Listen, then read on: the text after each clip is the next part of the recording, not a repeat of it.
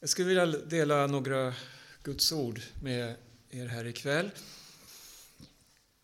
Och om man ska tala om rubriker så vill jag sätta den här rubriken, Guds tid. Alltså det som är speciellt för vår tid. Vi kan läsa i den bibliska historien och så kan vi se att Guds folk agerar olika under olika tider beroende på omständigheter, beroende på ja, vad som händer och beroende på vad som är angeläget just för denna, denna stunden att få fram. Ett bibelord som har återkommit till mig nästan oavbrutet sen eh, det här eh, coronaviruset började spridas och man började ana vilka konsekvenser det skulle få. Det är det som Jesus talar om i Lukas 21. Det är välkända ord och jag vet att de har citerats många gånger i dagarna. Men jag vill ändå läsa dem här från 25 versen. För Jesus han talar här inte om en speciell grupp, han talar inte om ett speciellt område, utan han talar om folken på jorden. Alltså någonting globalt. Han talar om något som drabbar alla människor. Och det är precis det vi kan säga om det som äger rum idag. Lukas 21, 25. Då säger Jesus så här, tecken ska visa sig i solen och månen och stjärnorna. Och på jorden ska folken gripas av ångest och stå rådlösa vid havets och vågornas dån. Människor ska tappa andan av skräck i väntan på det som ska drabba världen. För himlens makter ska skakas. Då ska man se Människosonen komma i ett moln med stor makt och härlighet. Men när det här börjar hända, så räta på er och lyft era huvuden, för er befrielse närmar sig. Jag kan inte släppa de här verserna, utan de... Jag vet inte, jag blir påmind om och om igen när man följer det som händer. Och så blir man, känner man sig kanske apatisk, man känner sig maktlös. Men så, så, så, så påminns man om, men Jesus kommer. Det är det som är människans hopp. Det är det som är ljuspunkten i allt. Och när vi talar om Guds tid, då eh, tänker jag speciellt på det, det är tider av prövning. Det är tider där människor eh, måste stanna upp från allt de håller på med. Människor förlorar sina jobb, människor blir sjuka, människor dör. Och ingen kan kontrollera det som händer, utan det här är någonting som bara kommer över alla människor. Och det här gör att människor börjar också tänka, reflektera på ett annat sätt. Människor börjar söka Gud, något man kanske inte har gjort under hela sitt liv. Människor börjar förstå att det finns något annat än bara det här vanliga ekorrhjulet man har varit i.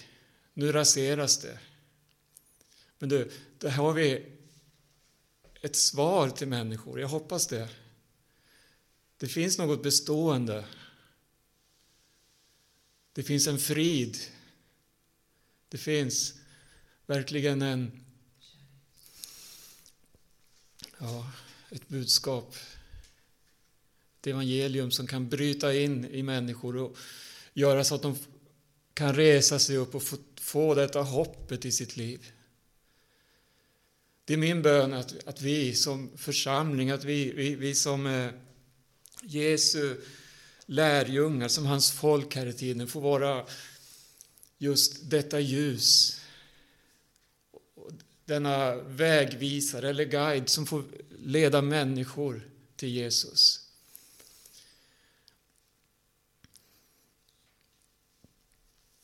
Eh, jag ska läsa om eh, profeten Elia i första Konungaboken från det sjuttonde kapitlet.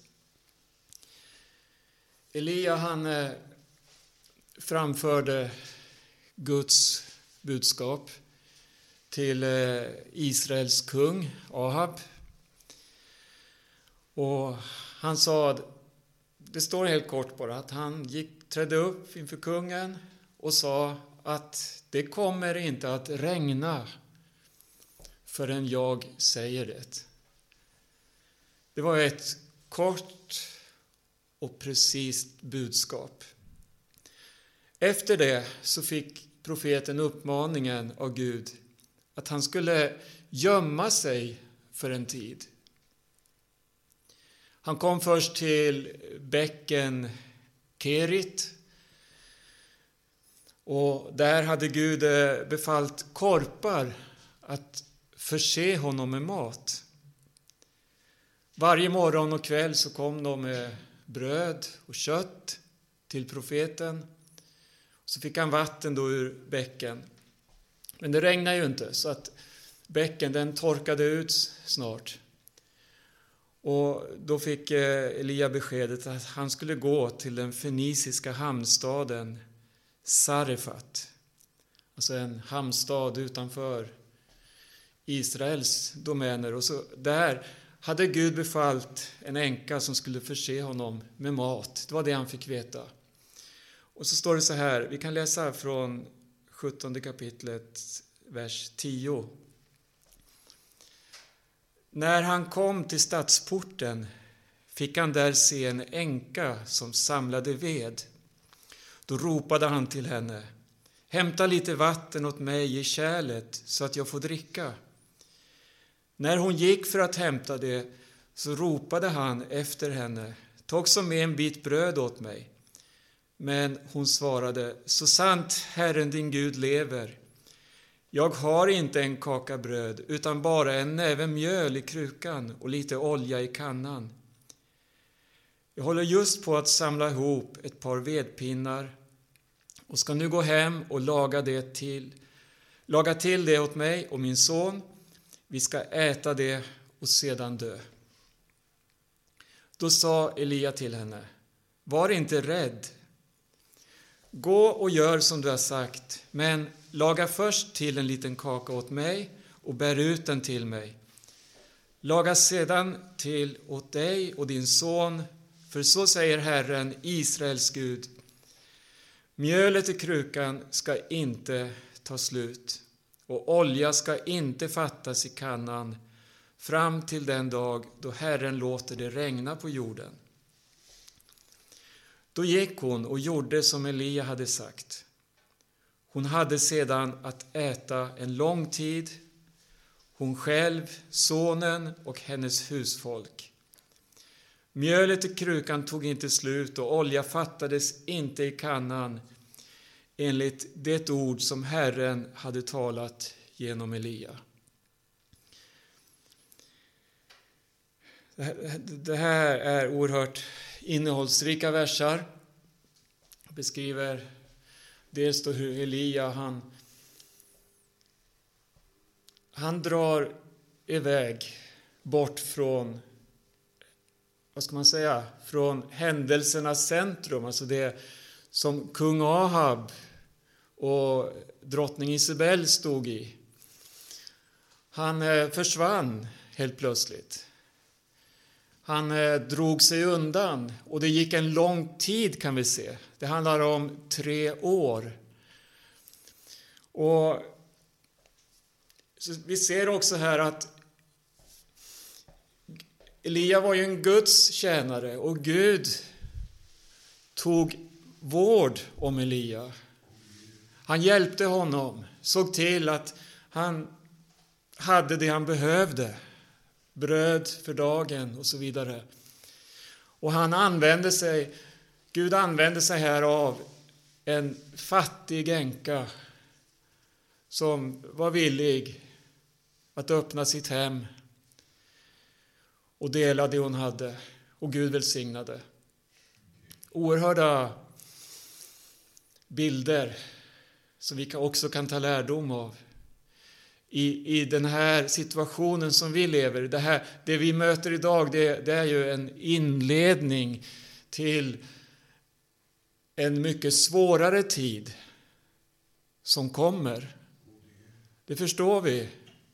Dels genom att lyssna till alla fackmän som uttalar sig, myndigheter och så vidare. Prognoserna är inte fina, de är inte bra. Men kom ihåg en sak. Herren är densamme. Gud är densamme. Och vi får på samma sätt som Elia lära oss att lita på Gud. Inte stänga igen och tänka på oss själva. Utan måtte Gud få använda oss också i denna tid att nå ut till människor. Att likt änkan ta det bröd vi har, även om vi ser att det här räcker inte. Men ändå få vara med och ta det och dela. Det är sådana här bibliska, himmelska principer som kan vara nyttigt att ta till i sådana här tider, att, att lyssna till. Tre års tid gick och det rådde alltså en svår torka och hela landet det led väldigt svårt. Nöden den gjorde att eh, kungen, Ahab, han for land och rike runt, dels för att hitta vatten till alla sina hästar. Men han var också ute och sökte efter Elia, stad efter stad efter stad, för att ställa honom till svars för allt som hände. För det var Elia som hade framfört det här budskapet till honom.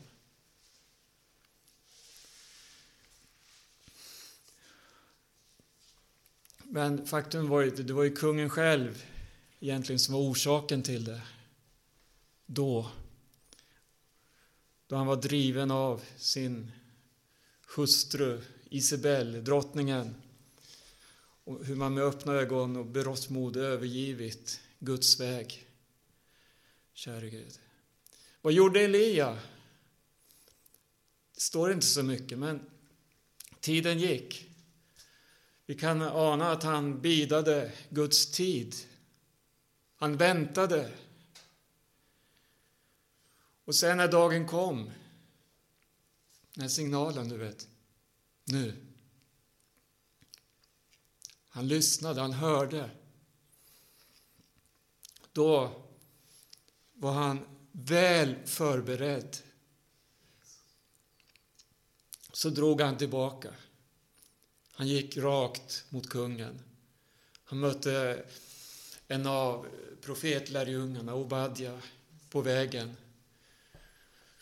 Och så sa han, säg till kungen att jag är här. Det här var ju på ett sätt att gå rakt in i en dödsfälla. Men det var det inte det, för, för Elia visste, Gud hade en uppgift för honom. Det var ett speciellt budskap som skulle fram. Inte tidigare, inte sen, men nu. Nu gällde det. Och Elia, han gick. Så mötte han så småningom då kung Ahab. Och det kom till en oerhörd uppgörelse på berget Karmel. Och vad hände där? Gud visade sig vara Gud. Det blev en omvändelse, en väckelse som gjorde att dessa avgudar och allt detta, alla dessa Bals profeter, de, de fick se sig besegrade. Och det här väckte också en ännu större ilska hos drottning Isabel när hon fick höra om vad Elia hade gjort. Vad hände? Hon svor vid sig själv och sa att denne Elia, att han skulle dödas. Hon befallde att nu ska jag ha tag på honom och skickade ut sitt folk då. Och då möter vi Elia igen. Vad hände? Han blev klart skärrad och rädd och drog iväg. Mänskligt. Men vart gick han? Jo, han sökte återigen. Han gick till Guds berg, Horeb, och sökte Gud. Och så fick han möta Gud igen på ett, på ett så mäktigt sätt. Så fick han kraft att återigen gå tillbaka. Allt sker i Guds tid. Inte utifrån våra förutsättningar, inte utifrån vår styrka och vår kunskap, men utifrån den Gud är. Och på det sättet, syskon, får vi verkligen överlämna oss åt Herren i dessa dagar och bedja, Herre, led oss du. Använd oss du i denna tid. Du ser att det är en sökningstid bland människor. Människor behöver dig och de börjar ropa. Vi kan se på internet, på Youtube, vi kan se på olika sociala medier hur poliser, militärer mitt ute på gatan kan ställa sig och böja knä tillsammans och bedja till Gud på ett sätt som man inte ser vanligtvis.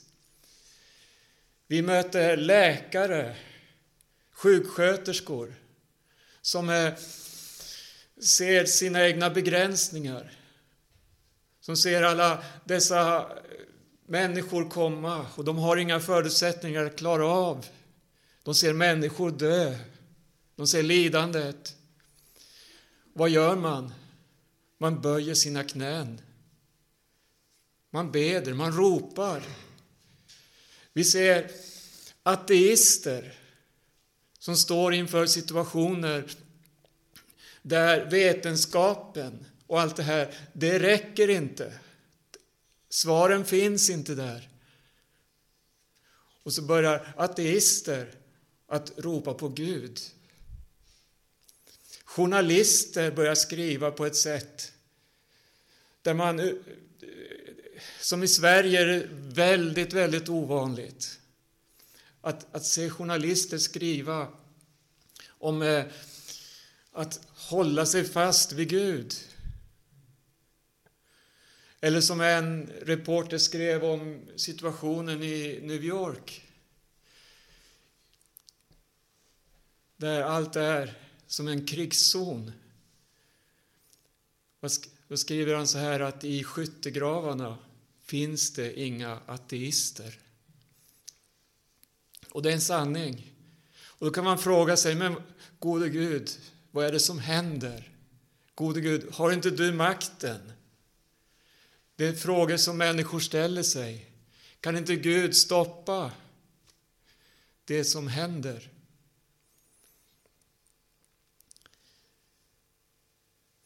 Kära Jesus. Men Gud har en vilja, eller hur? Som kommer till uttryck i Guds ord. Som övergår allt materiellt. Som är större än allt lidande. Ibland använder Gud också lidandet för att nå fram till människor.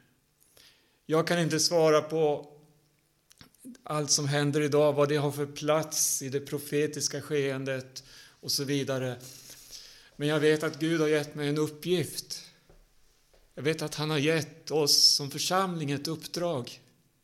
Nu lever vi i en situation där människor befinner sig i svårigheter. Och vad gör vi då? Herre, använd oss. Tänk dig hur det var på Sodoms tid. Det var, det var en stad som i mångt och mycket kan jämföras med all ondska allt elände vi ser i världen idag. Vad fanns det då i denna stad? Det står att Gud steg ner för att höra. Det fanns rop som hade stigit upp till Gud. Hesekiel talar om det här, om hur människor ropade ut sin nöd över förtrycket som fanns, över orättvisorna, över omoralen. Jesus talar om situationen i Sodom. Vi kan läsa där om homosexualiteten. Vi kan läsa om allt det här som fanns komprimerat i denna stad. Och så, och så hör man ropen steg upp till Gud. De som ropade, de visste förmodligen inte ens om att de ropade till Gud, men de ropade ut sin nöd. Och Gud hörde. Och han steg ned. Och på det sättet är det många människor idag som ropar. Vad är det som händer? Man är desperata. Kära Jesus. Halleluja. Vi har ett budskap, syskon. Tänk att hela lösningen för människor, det finns i det här namnet. Det finns en så oerhörd kraft i namnet Jesus. Halleluja. Namnet Jesus. Det som står över alla namn. Pris för Gud.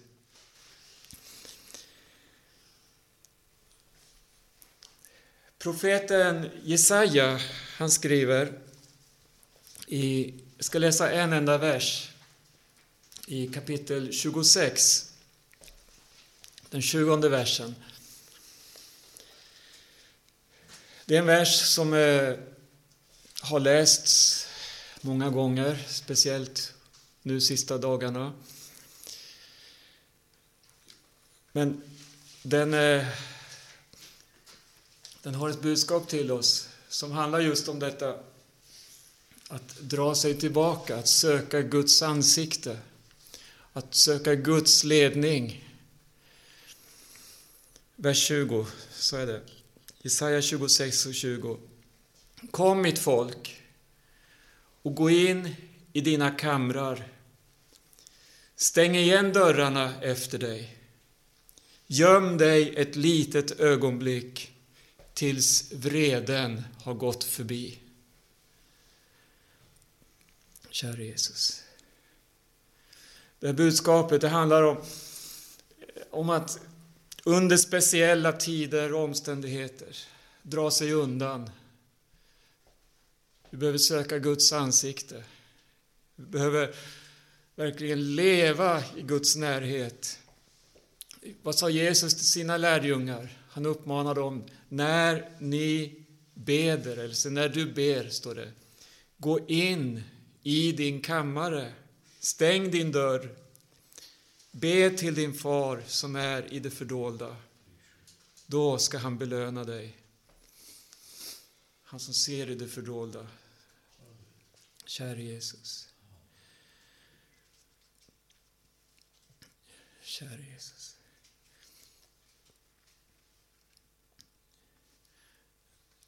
Jag skulle vilja få med en liten bit till. Jag tänker på allt som händer idag. Det gör ju att man börjar fundera, man börjar läsa och tänka på har Bibeln något att säga om det som äger rum? Så läser man Uppenbarelseboken om alla dessa apokalyptiska händelser som där presenteras. Och eh, det finns helt säkert likheter och kopplingar.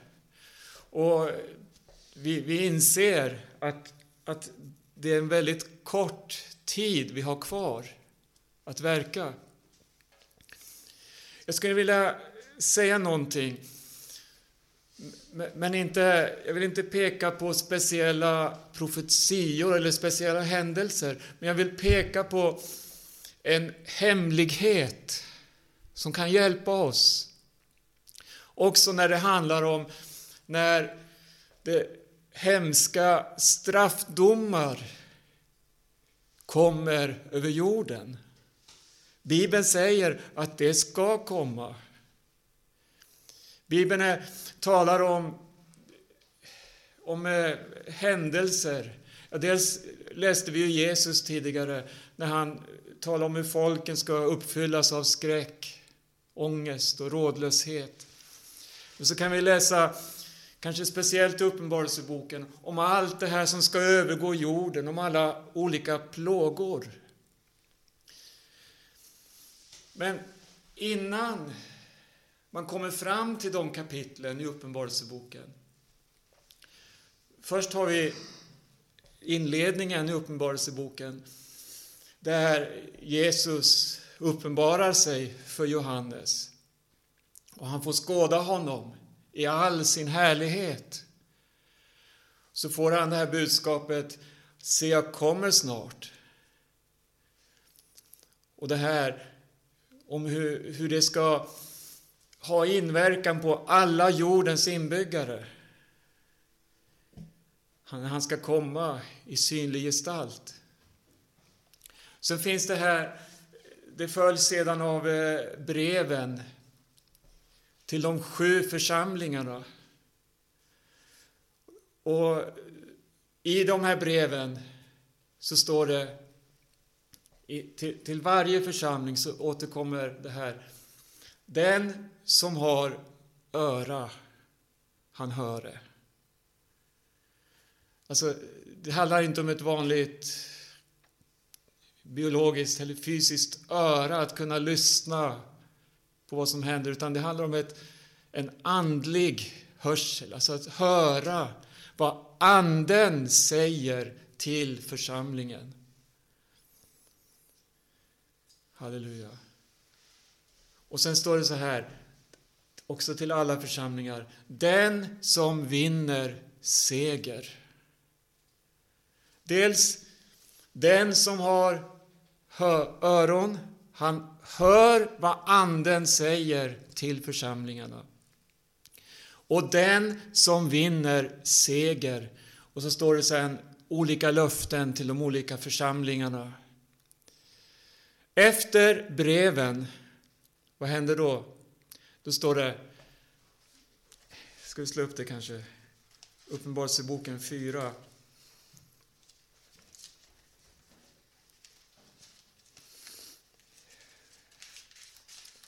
står det så här att Därefter såg jag och se en dörr stod öppen i himlen.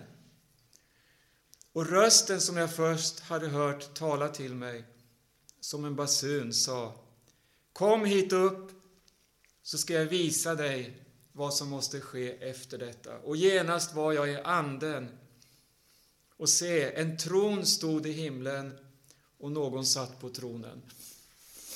Här får Johannes ett budskap från himlen. Och i ett nu så förs han i anden upp och står inför Guds tron. Och så får han helt ett nytt perspektiv på saker och ting. Han får se allt, inte med de här vanliga jordiska ögonen som du och jag, vi kan registrera allt som händer. Vi kan uppfatta det ena och det andra och, och dra våra slutsatser. Det, det är bra. Men här möter vi något ännu viktigare. Vi behöver den här himmelska visionen. Att kunna se med Guds ögon det som händer. Att ha Kristi sinnelag. Alltså att ha det som är fött ovanifrån, det som är fött hos Gud. Det som hör himlen och den eviga världen till. Och då får vi ett budskap till människor som lever här i tiden. Men ett budskap som ger hopp för evigheten. Halleluja. Så fortsätter man läsa fjärde kapitlet. Och vad möter man? Man möter det här, det här som Johannes fick se, alltså den här himmelska synen. Och sen kommer vi till femte kapitlet. Och då är det som att man når ett klimax. Man når verkligen det som är det absoluta centrum för alla händelser. Uppenbarelseboken 5. Det som är det avgörande. Vi läser kapitel 5. Jag såg i högra handen på honom som satt på tronen en bokrulle med skrift på både insidan och utsidan förseglad med sju sigill. Och jag såg en väldig ängel som ropade med stark röst. Vem är värdig att öppna bokrullen och bryta dess sigill? Men ingen i himlen eller på jorden eller under jorden kunde öppna bokrullen eller se in i den. Jag grät bittert över att det inte fanns någon som var värdig att öppna bokrullen eller se in i den.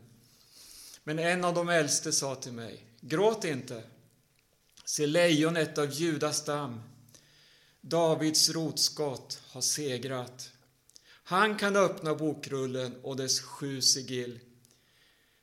Och jag såg i mitten mellan tronen och de fyra varelserna och det äldste stod ett lamm som såg ut att ha blivit slaktat. Det hade sju horn. Kära Herre Jesus. Och sju ögon som är Guds sju andar utsända över hela jorden. Och så vidare. Vi ska läsa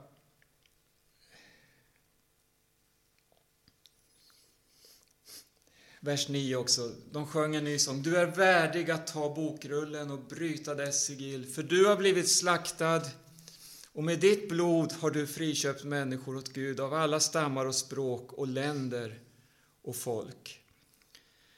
Kära Herre Jesus. Man skulle kunna fortsätta läsa här, men det står om det slaktade lammet som var värdigt att bryta sigillen.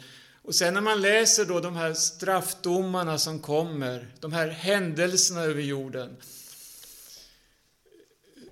så, så ser man ständigt lammets, hur det är närvarande. Lammet bryter det första inseglet. Och, och det här tror jag är oerhört viktigt, för, för vad representerar lammet? Alltså Jesus som dog för våra synder, som bar mänsklighetens synd i sin kropp upp på korsets trä.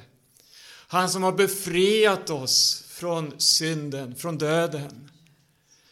Han bryter inseglet. Han som är vägen till Gud för människor. Det är han som är närvarande i alla dessa händelser som vi läser om. Och det, det här gör att eh, jag tänker så här. Tänk om lammet inte hade funnits i den här positionen. Himlen hade börjat utdela alla dessa straffdomar eller öppna sigillen och överallt som skulle övergå jorden. Men nu står det inte så, det står att lammet var i centrum. Han som försonar människan med Gud. Alltså i den svåraste, i den mörkaste situation så finns det ett lamm som har vunnit seger, som är värdigt att bryta in segern. men han kan också bryta bojor och band. Han kan bryta syndens makt över människor. Lammet bryter. Och det står om lammet gång på gång. Och jag vet inte, jag... Jag har fått jag har sett det här på ett nytt sätt som jag själv kanske inte har tänkt på tidigare. Men det finns en sån oerhörd kraft i försoningen. En kraft. Han steg ner i dödsriket. Vem, annan, vem annan kan göra det? Och föra fångar ut. Bortom död, bortom grav. Jesus, han är svaret för människan. Halleluja. Syskon, det får bli en hälsning den här kvällen. Lammet har vunnit seger. Halleluja. Jag tror det är ett budskap också till vår samtid idag i dessa virustider, under denna pandemi som råder. Om vi på ett trovärdigt sätt, fyllda av Guds ande, kan nå fram till människor. Det kan vara på så många enkla sätt, genom enkla gärningar, genom enkla ord. Men Gud får leda oss. Halleluja. Vi hade en konferens för många, många år sedan på Gamla Bro. Så tryckte vi upp en liten klisterlapp som vi spred över hela stan. Och där satte vi upp alltså på lyktstolpar, på lådor, på elskåp, överallt. Och så, det stod så här, liv och övernog i en dödsmärkt värld. Jag minns hur folk reagerade på den här lappen. Det tog.